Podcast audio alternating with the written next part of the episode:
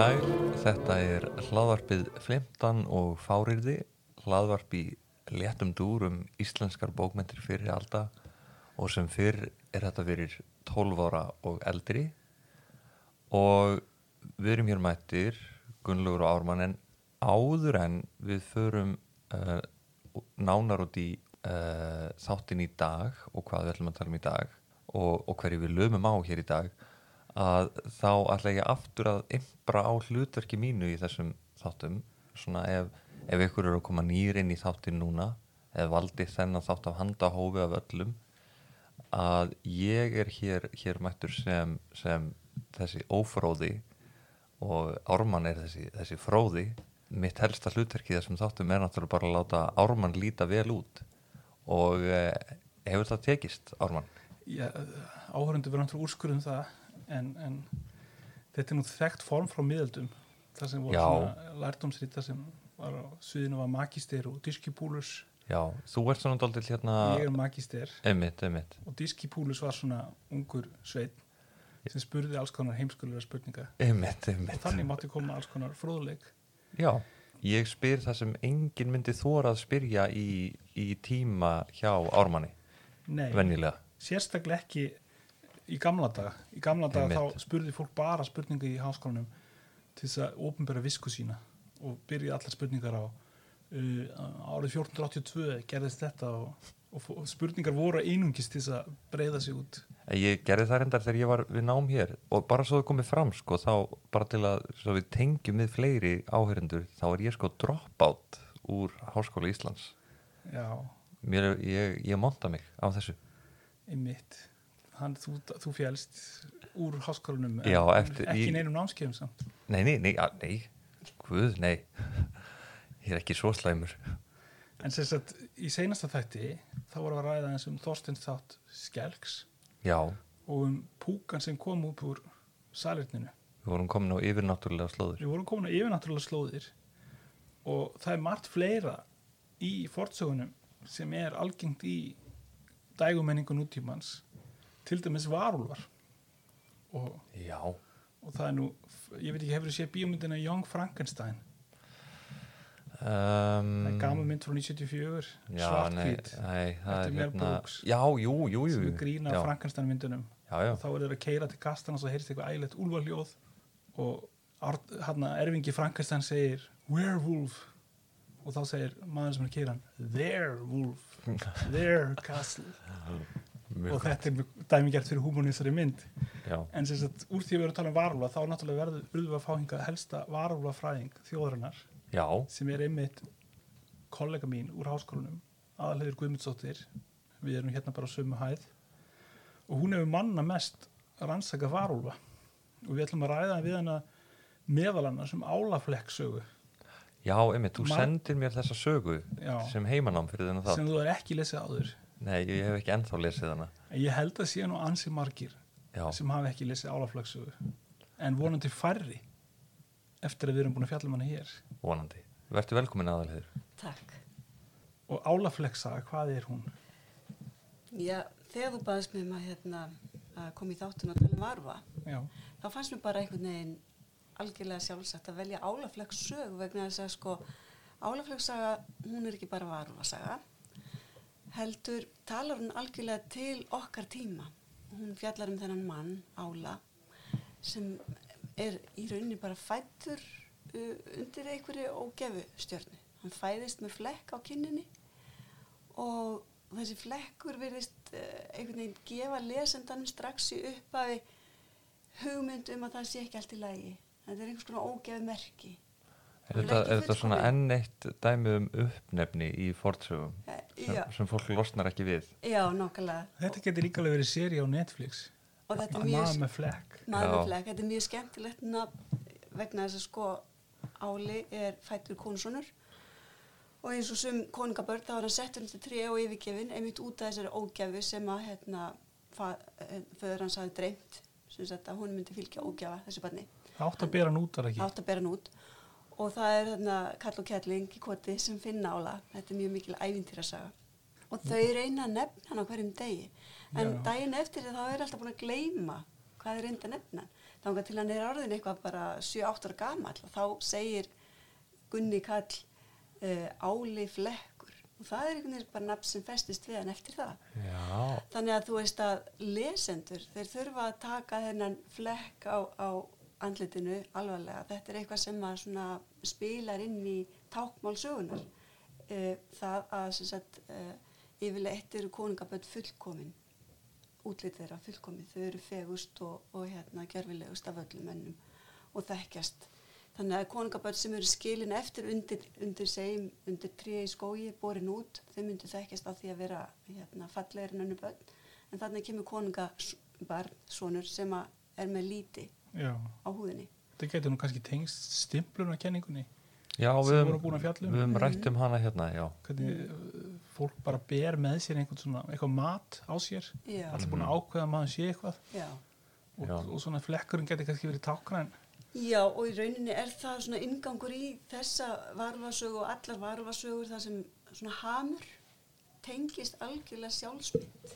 Já, Já, og það er þess vegna sem að álaflexa er hérna skemmtileg og skemmtileg umræða inn í, í, í tíðarandan að Áli, hann sko nafn hans Áli tengist líka því að hann bara verður sífælt fyrir álögum.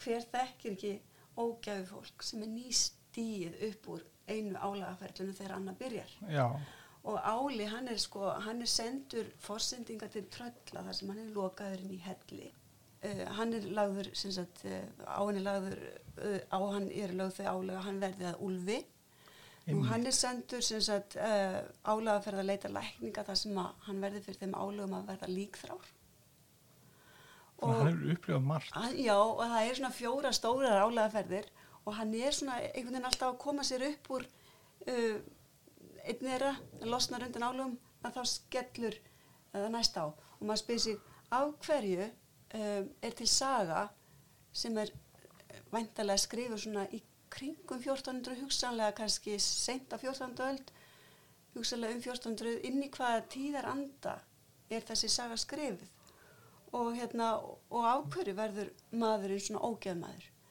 Og þessi saga þótt mjög svona ævintirlega sé þá, þá fjallar hún eins og ævintirasögur svo oft um samtíma fólk sem að fólk tengt sér við og Áli var þarna eins og ég sagði á þann hann var borin út út af því að það var ógeðmerki á honum. Og það var kall og kjalling sem að funda hann. Og hann elst upp í koti kalls og kjallingar uh, í æsku þetta líkir svo þessum viðtölum í nútímanum um fólk sem hefur lent í alls konar raunu algjörlega þetta eru forsýr á mörgum blöðum Já. Áli, Áli myndi vera fórsýðið divaf. já, bara hvert, hvert áfalli dýnur eftir og allt jafn umulegt Já, algjörlega. En, En- svo, en svo En heldur að lesandi sem sé hafi verið, eða hlustendur álafleksu, heldur að það hafi verið helst einmitt ógæfu fólk á, á þessum tíma? Nei, alls ekki sko, ekki en endilega ógeða fólk ég held að þú veist að við þekkjum alls svona fólk og það er bara eitthvað svona ummannlegt eðli í þessum sögum sem höfða til okkar. Og við þurfum líka, þú veist, að spyrja okkur af hverju verður fólk ógeða fólk? Þú veist, fæðist það með flekk, er það nóð er það nóð að, að við bara eh, fæðist undir einhverjum vondum örlögum svo náttúrulega alls konar samfélags en svo, samf samfélags hvað við segja, samfélagi fyrir á hliðina eins og í pláinni og Já, algjörlega, það var það sem ég var að hugsa sko með þessar sögur. Það er að þegar, þegar COVID skall yfir, þá fór ég svona aðeins að spá í hvaða sögur höfum við þar sem fólk er veikt, þar sem fólk er sendt í hættu farir til þess að leita sér lækninga og slíkt. En það sem ég langar að koma kannski fyrst í sambandi við álflagssögu sem er svolítið merkilegt er að þegar hann uh, er þekktur aftur og þá flytur hann aftur í höllina til fóldra sinna. Já, er og uppreist þá byrjar sagt, eh, byrjar hann að ganga illa því að fyrstu álögin þá er það ambátt í höllinni sem kemur til hans þegar hann er bara eitt, eitt statur fyrir utan höllina úlingur og ambáttin segir að hann hafi aldrei kvart sig með góðum orðum og þess vegna skuli hann uh, og svo framvegs og hún sendir hann álaga sendingu. Og þarna fer maður að, einmitt að, að hugsa um hvort þetta sé lestur inn í samfélagið sko, Áli kann ekki þetta hegða sér við þar aðstæður sem hann er komin í. Já, hann er ekki alist upp nei, þetta, nei. Hann, hann hefur alist upp í kotinu og hann veit ekkit hvernig að hegða sér í höllinni. Og það kemur út sem hróki Já, það kemur út sem hróki og hún er refsa fyrir það. Og, og í rauninni þarf hann að taka það út í einhvers konar sendingu þar sem hann er sendur neðanjarðar í helli, mjög dimman helli þar sem hann lokast inni. Þannig að þetta tala mjög stert til svona bara þeirra sem kannast við þunglindi og, og hann er lokaður inn í hellinum þangað til að þú veist í rauninni kemur einhver á bjargarunum og þá hefst annað skeið sem er annars konar álög og varúls eðli ála það er í rauninni alvarlegustu álögin vegna þess að þá breytist hann gjörsamlega, hann ræður ekkert við sitt mannlega eðli. Er eitthvað sem leggur á hann þau, þau álög? eða? já, já, hann verður vargi segir í hann verður að vargi. Já, þetta er, þetta, orðið vargur er uh, alveg þekkt úr, úr fleiri sögum en það ekki yfir hvað uh, sama fyrirbæri og varulfur eða? Já, við höfum sko 12 miðaldasögur og, og tvær sögur frá síðaröldum, æfintýri, þar sem að sko fólk verður að vargi og það getur, þessar sögur eru mjög mis, mismöndi, þetta getur í fyrsta lagi bara skýrskota til þess að menn eru útlagar, útlagar voru kallaði vargar. Uh, sumir af þessum mönnum, þetta er mjög vilt kallmenn sem að verða fyrir því að verða varulvar eða vargar, að það er greinilega bara á andlega sviðinu. mm.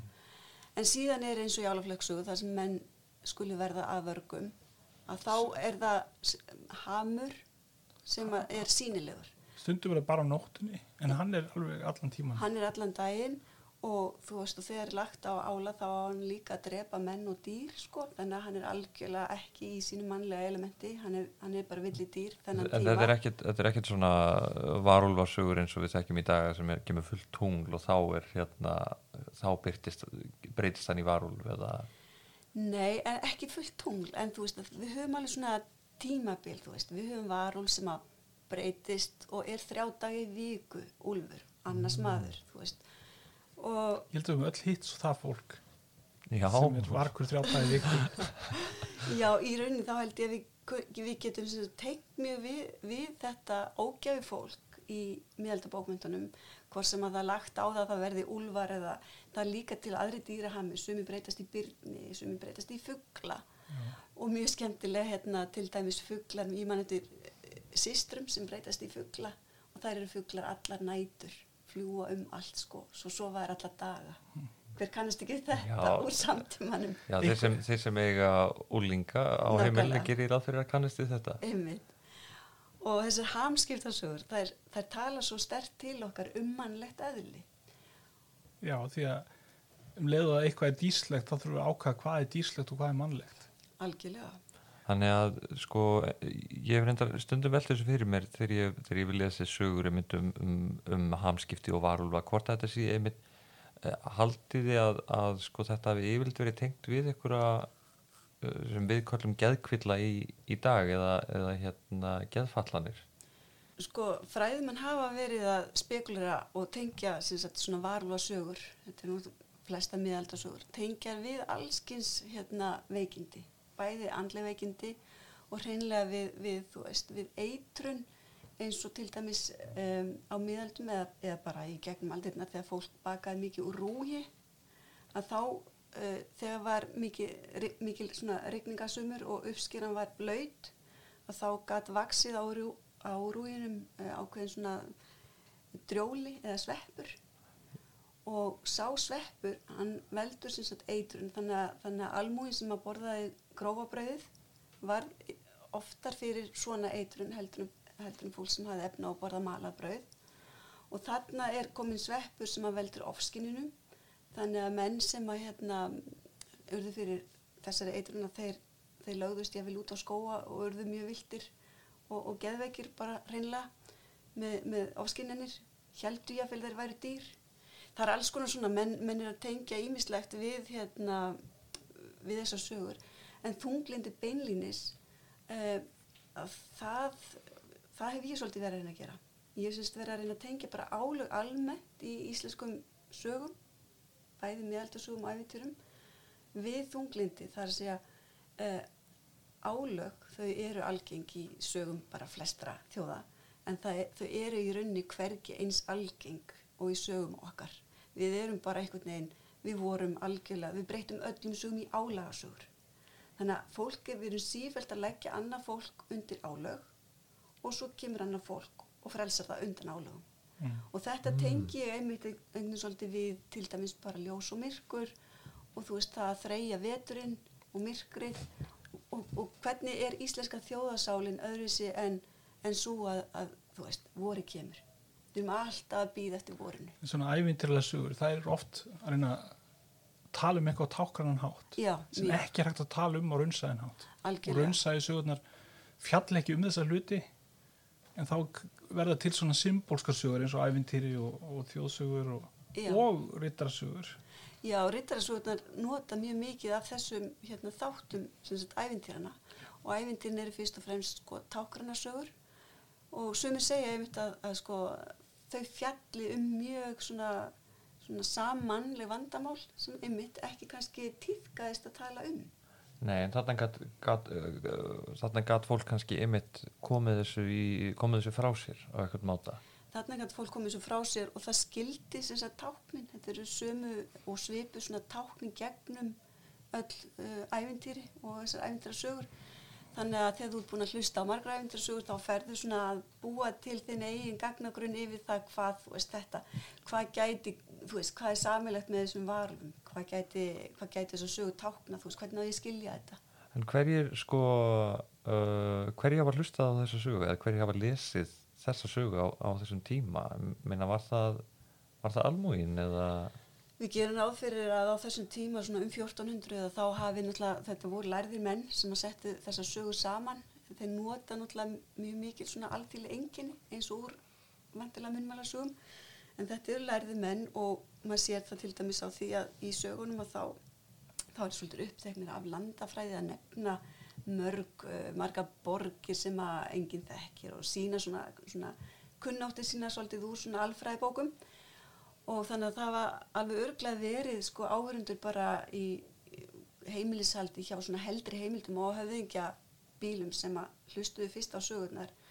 En ég held að við getum kannski á þessum tíma ekki sett þó það hafi verið til mjög ríkar fjölskyldur og allt það að þá, þá fór sagna skemmtun eins og þessi hún fór mjög svona þvert í gegnum allt samfélagið. Það hefur ekki reynst auðvelt að finna neitt frá fyrir tímum sem er bara alþýlegt Nei. þannig að það sem er kalla alþýlegt eru hlutir sem uh, yfir stjettin og alþýðan eiga, eiga sameinlega þannig að kannski- svona bókmyndir hafa þá kannski verið sameinlega bókmyndir allra stjetta Voru það skörp skil líka hér á landi eða uh, milli stjætta? ég held að þau séu alltaf skörp Já, að segja. já. bara alltaf með einu með öðrum hætti Skilamilli stjætta er auðvitað skörp og koma fram í mentun og, menn, og, og menning og slíku en eins og við sjáum til dæmis bara með hérna, með um, eins og dæmi bara úr störlungu sko. Þeir sem eru sagnamenn þar að þeir eru uh, líka menn sem að sko blanda geði við alþýðina og menn setjast niður og segja sögur. Það er sko ég meina auðvitað var talsett mikill munur á stjættum en þegar við erum líka að hugsa um eðli bókmyndina að þá, þá hugsa maður svolítið byrju hvernig væri hægt mögulega að halda einhverju innan einhverja stjættar það er alltaf einhver sem er viðstættur skemmtunina sem að hlustar sem að heyri, til- heyri þá kannski ekki til sko efri stjætta heldur segjum hérna einhver vinnukona, vinnumadur eða hvað sem er sem ber sögun áfram. Ég meina við getum aldrei einangra sagna skemmtum við einhverja stofu þar sem að er bara fólk af einhverja ákveðni stjætt viðstætt og þetta er bara eins og í nútímanum. Ég meina, maður veit ekki nema Bill Gates sé að horfa sama sjómanþáttum að sjálfur.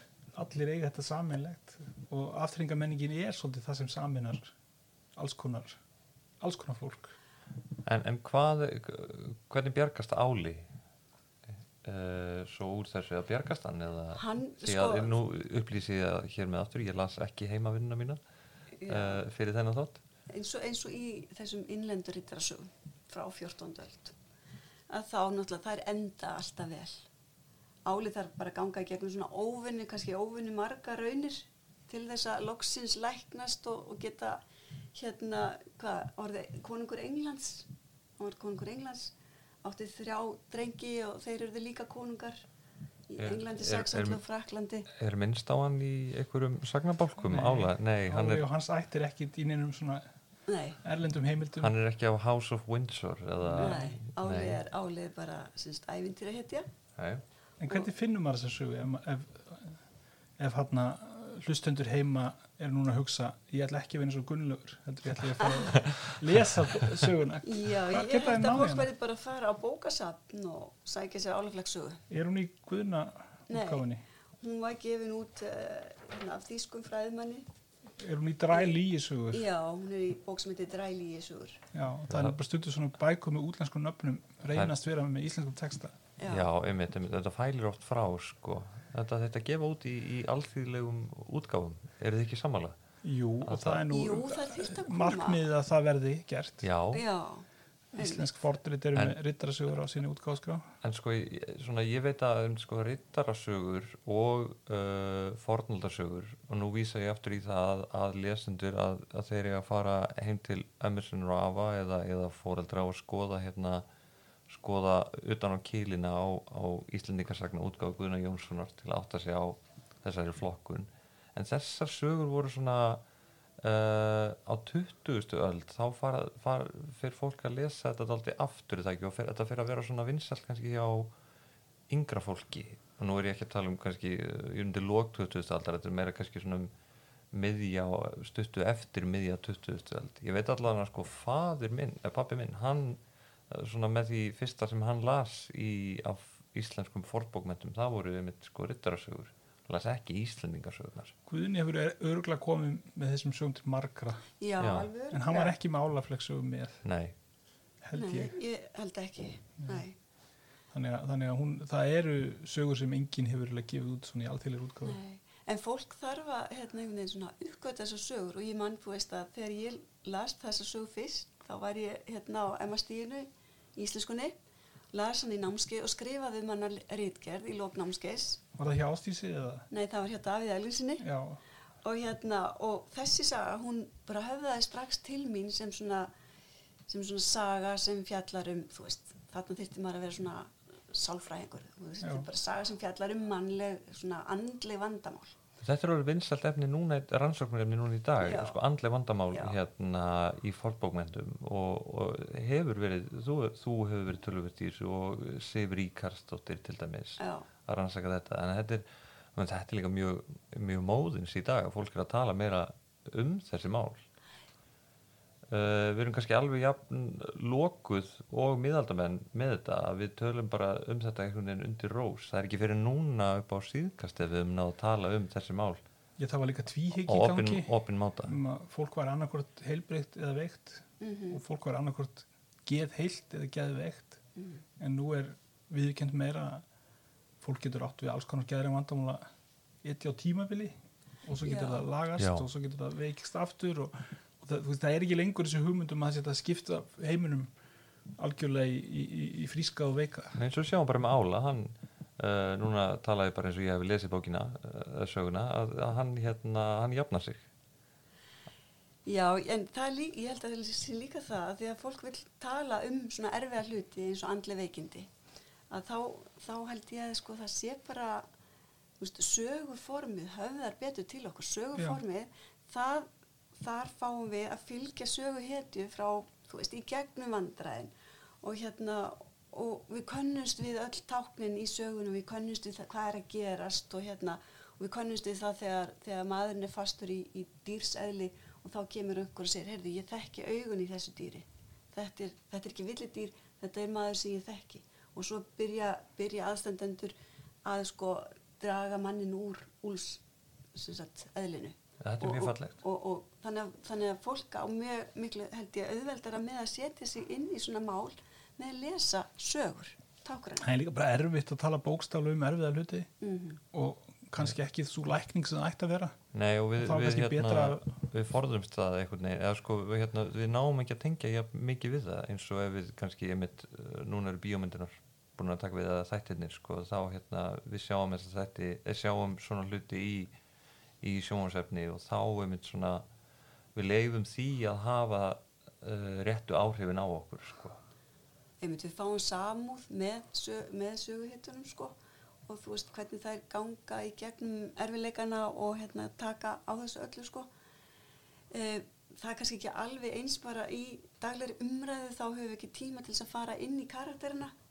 En við sjáum þessa tilhengu eins og Ármann var nefna áðan öll þessi viðtöl við fólk sem á við andli vandamál að stríða uh, að við kannski rétt svona fáum insýn í karakterina með svona laungum ítalegum viðtölum og það má spyrja sig hvort að slík viðtöl séu, þú veist, eitthvað í áttina að svona sögum þar sem við getum samsama okkur með fólki